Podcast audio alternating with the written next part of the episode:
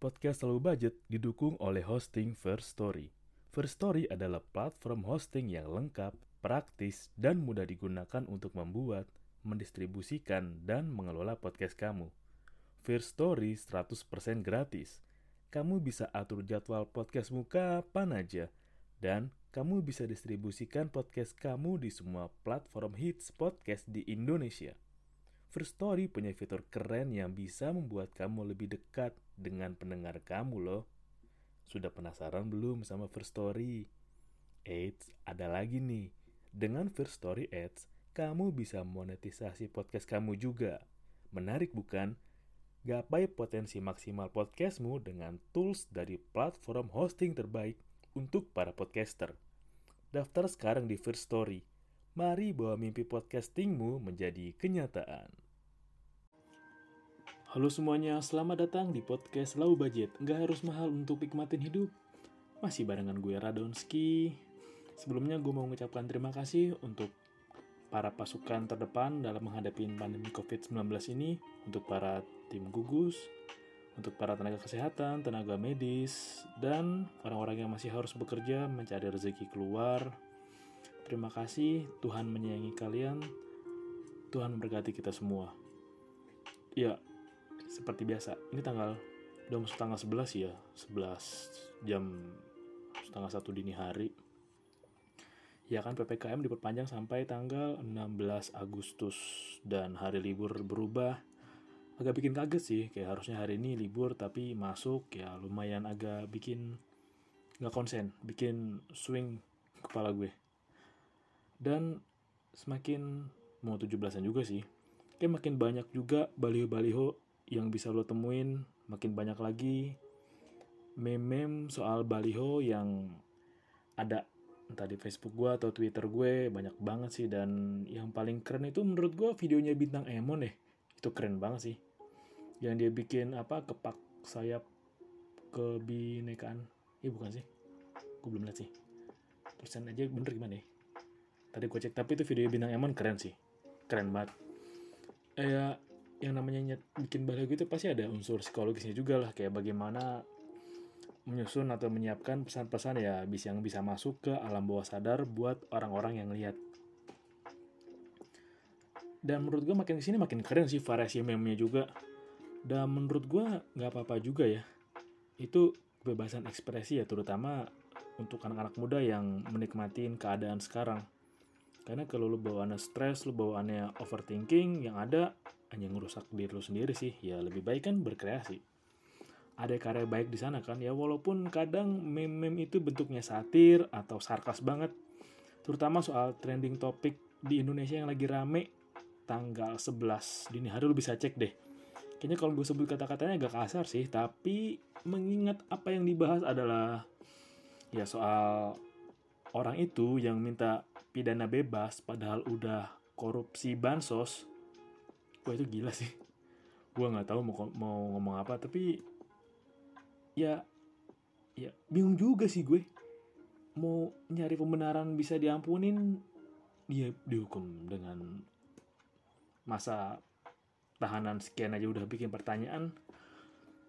Ya tapi gue bukan mau bahas itu sih. Kayak gue mau bahas ya menurut gue berekspresi dan ngungkapin apa yang kita rasain nggak masalah menurut gue. Ya emang masih ada beberapa orang yang anti kritik, anti dikritik lah, yang merasa selalu benar. Ya apalagi ketika lu punya posisi yang tinggi atau ketika lu berada di posisi yang tinggi. Pasti ada pride yang atau ada kebanggaan diri lah yang lu tahan. Ya sebisa mungkin lu harus kelihatan sempurna, kelihatan hebat, nggak punya salah dan kalau mau dikritik juga ya nggak cocok gitu kayak ya siapa lu mau ngeritik gue toh emang gue yang paling bener gue yang paling bisa ya kayak gitu. Ada orang kayak gitu mau saya heran. Di dekat kita pun kalau lo mau peka juga ada. Orang-orang yang anti kritik lah kayak yang merasa selalu benar. Tapi ya kita juga berhak banget dong mengungkapkan mengungkapkan kan mengungkapkan apa yang kita rasain soal unek-unek. Kalau misalkan lo mau nyampein. Karena kan kalau berkata dengan kritik itu ya nanti bisa dibilang kayak oh lu uh, apa tuh lawannya yang pemerintah tuh oposisi gitu. Atau misalkan lu kritik ah lu bisa kritik dong ngasih solusi. Ya menurut gua kritik adalah kebebasan demokrasi. Apalagi ketika pandemi yang belum selesai yang kemarin dijanjiin tanggal 17 Agustus sudah bebas gitu kan. Dan di negara asalnya aja si dikit tuh udah mulai ramai juga loh di negara asalnya dan di beberapa negara. Mungkin ya mungkin. Gue juga belum ngecek lagi sampai saat podcast ini dibuat. Udah ada beberapa negara yang melakukan lockdown lagi lah. Ya aneh aja sih dengan virus yang semakin berkembang dengan cepat itu. Dan kita bisa ngejanjiin tanggal 17 Agustus selesai. Yakin? Yakin? Cuaca aja belum nih belum cuaca juga belum kelar. Kapan ketahuan? Habis pandemi terbit lah perang cuaca. Katanya sih gitu. Dan di lain sisi juga gue jadi mikir sih kemarin sempat sempat sebelum tidur gue kepikiran juga ya ketika gue ingin atau teman-teman yang lain lah ingin berekspresi kayak buat meme-meme gitu ya pasti ada sisi cemas dalam diri mereka ya takut lah ada Kang Baso lewat atau ada Kang Cimo lewat yang bawa telepon tapi nggak bisa buat SMS ya pasti ada rasa cemas dan ya bisa dibilang ini kita sebenarnya boleh nggak sih berekspresi atau boleh menyampaikan kritik? Karena apakah yang dikritik juga kayak merasa resah? Ya padahal kalau lo mau nutut kritik harus yang bener-bener harus yang prosedural ya itu udah ketinggalan zaman banget apalagi di zaman sekarang di era keterbukaan informasi. Bahkan tiap waktu banyak banget tuh lu. Bisa lihat komen-komen lucu ya belajar dari demo kemarin lah. Soal kebijakan yang di demo mahasiswa. Mereka menyampaikan menyampaikan aspirasi dengan lucu-lucu kata-katanya kan yang banyak lu bisa temuin di internet-internet deh. Yang seliweran di timeline lu dulu tuh di masa lu berkeliaran banyak banget cara bereksperin berekspresinya pun nah, cara berekspresi juga udah beda nggak kayak zaman zaman dulu. Ya begitulah teknologi dan begitulah zaman.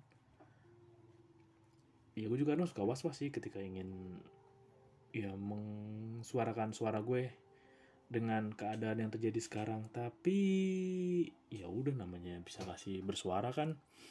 Karena dalam demokrasi juga ketika kita boleh gitu bersuara. Sebenarnya sebenarnya demokrasi itu berdemokrasi itu menjunjung aspirasi bersama gitu kan kayak hak mengemukakan pendapat di muka umum.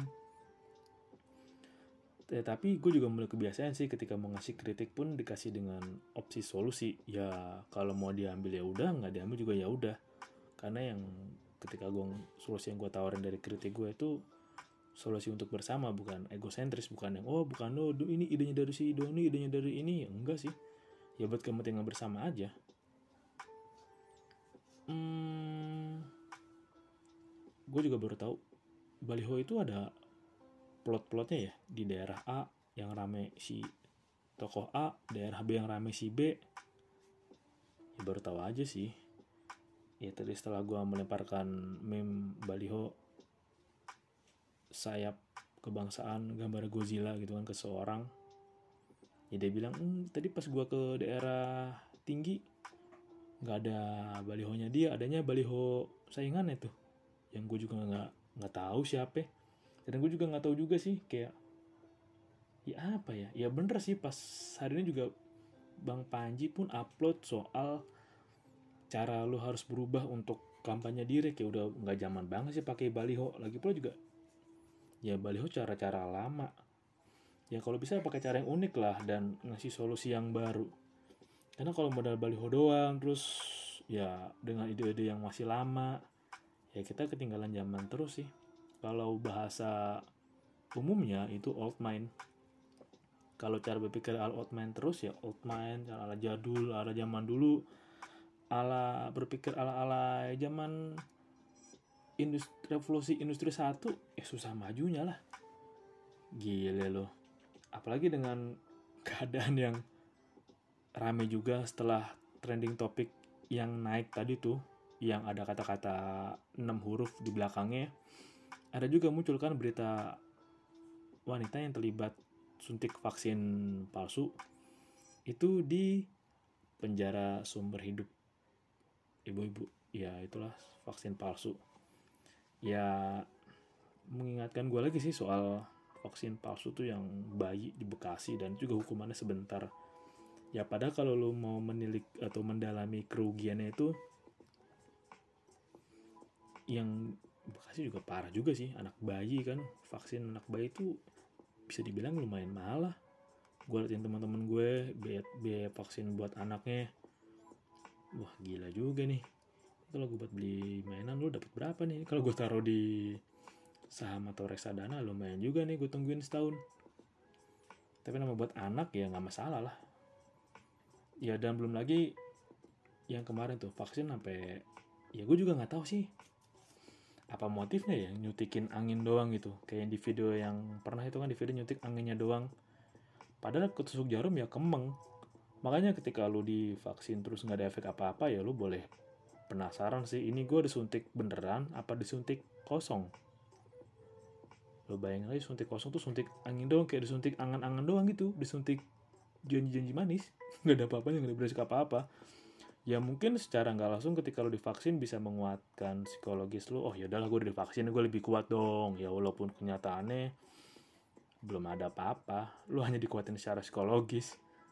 Tapi iya juga sih kenapa ya apa mau bakal diduitin? Yang nggak tahu juga kan atau emang sebenarnya vaksinnya udah habis tapi ya udahlah dibikin tapak ada aja. Ya nggak tahu juga sih. Dan belum lagi soal ada varian baru lagi ya. Lambda. Pas banget lagi ngomongin lambda. Lambda sih ingat gue kayak nama sesuatu di fisika. Dalam banget tuh fisika. Baru kemarin gue nonton anime ada lambda lambdanya tumben banget dengar kata lambda jadi familiar. Tapi itu nanti lah yang penting berharap dulu ke dalam ke waktu yang dekat inilah ke 17-an uh, nanti gue pengen bikin episode juga sih kangen banget hal-hal yang pingin atau dirindukan dari 17-an terutama ketika ya dari waktunya lomba sampai jadi panitia ke sekarang. Yang lebih seru soal malam-malam sebelum 17-an seru juga sih buat dibahas.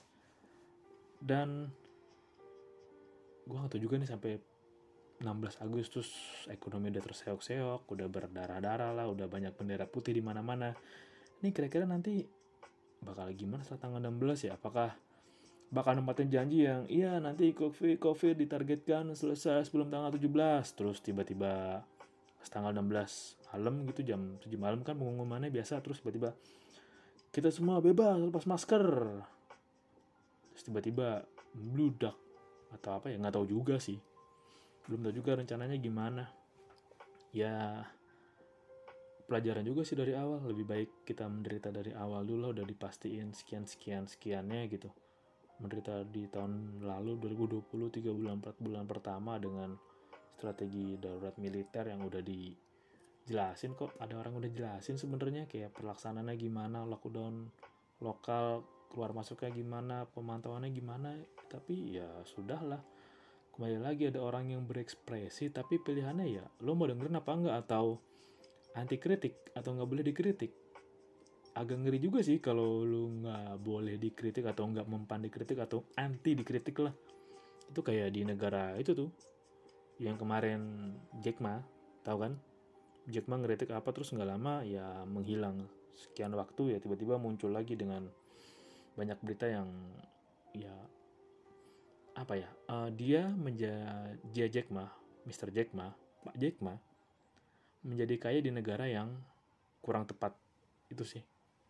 Ya jangan sampai kayak gitulah. Ngeri juga sih kayak ya ngeri ketika lu denger abang bakso lewat ya pastiin abang bakso itu ya abang bakso beneran bukan yang hanya menyamar ya walaupun kayak pernah juga ada deh kejadian di mana abang baksonya ya atau pedagang itu nyamar. Tadinya kan ya petugas lapangan dia nyamar usahanya laku ya udah dia akhirnya menekuni usahanya nggak jadi petugas lapangan lagi. Ada sih. Pernah dengar juga kok. Tapi sebenarnya kalau kita bisa upgrade lebih keren kali ya kayak di luar-luar gitu kayak petugas lapangan Intel itu nyamar ya misalkan bikin PT bikin suatu yang gede yang wah pada tujuan memantau itu keren banget pasti sih. Wah gue mau tuh kayak gitu tuh. Kayak jadi intel terus misalkan gue nyamar dengan bikin perusahaan lah misalkan nyamar jadi direksinya lah atau apalah itu lebih keren.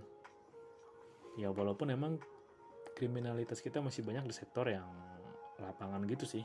Ya jamret copet maling ya masih banyak yang kayak gitu.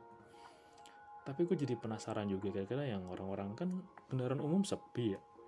Terus mereka yang nyopet jambret gitu ngapain sekarang ya?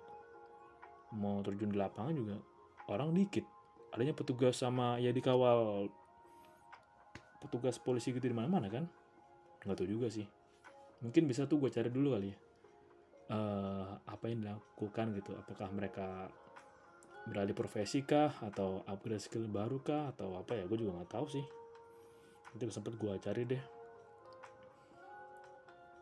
Hmm, sebenarnya bukan tuh sih yang gue bahas tapi udah udah terlanjur lah. Ada lagi mau gue bahas soal ya kritik tapi gue nyebutnya ngalur ngidul aja lah ya. Karena resah juga sih diperpanjang lama-lama dan beberapa untuk beberapa, beberapa orang psikisnya udah ada mulai yang tertahan banget lah kayak lo biasa bergerak keluar lu biasa jadi mobile lu jalan-jalan ke mana-mana ya lu nggak boleh ke mana-mana dikurung gitu. Suruh di rumah aja. Untuk waktu yang lama dan belum tentu juga belum kelihatan juga progresnya ke mana. Ya jangan sampai kayak kemarin sih kelihatan landai tapi hmm, beludak lagi. Setelah lengah dikit repot juga kasihan semuanya. Ya kasihan juga sih ingat loh petugas nakes ya semakin ke sini makin berkurang entah karena semakin banyak yang terpapar atau semakin banyak yang ya sedikit demi sedikit berpulang ke sisi Tuhan. Itu aja sih yang mau gue share ngobrol-ngobrol ngidul soal baliho lah. Ya mungkin sebentar lagi bakal ada kali ya baliho-baliho yang unik yang nyeleneh gitu ya sebagai daya tarik para calon aja. Dia tarik doang sih. Untuk mau dipilih apa kan belum tahu. Ya belum tahu lu bagaimana visi misinya cara dia mau mengelola wilayahnya gimana. Ya buat daya tarik atau buat hiburan ya oke okay lah. Ya semoga aja sih uh, mereka mereka yang terpilih nanti terbuka banget dengan kritik dan bisa merespon kritik untuk mereka dalam bentuk meme atau foto atau video lucu. Ya semoga aja sih. Oke itu aja buat semuanya. Thank you udah dengerin tetap jaga kesehatan dan salam low budget. Nggak harus mahal untuk nikmatin hidup. Thank you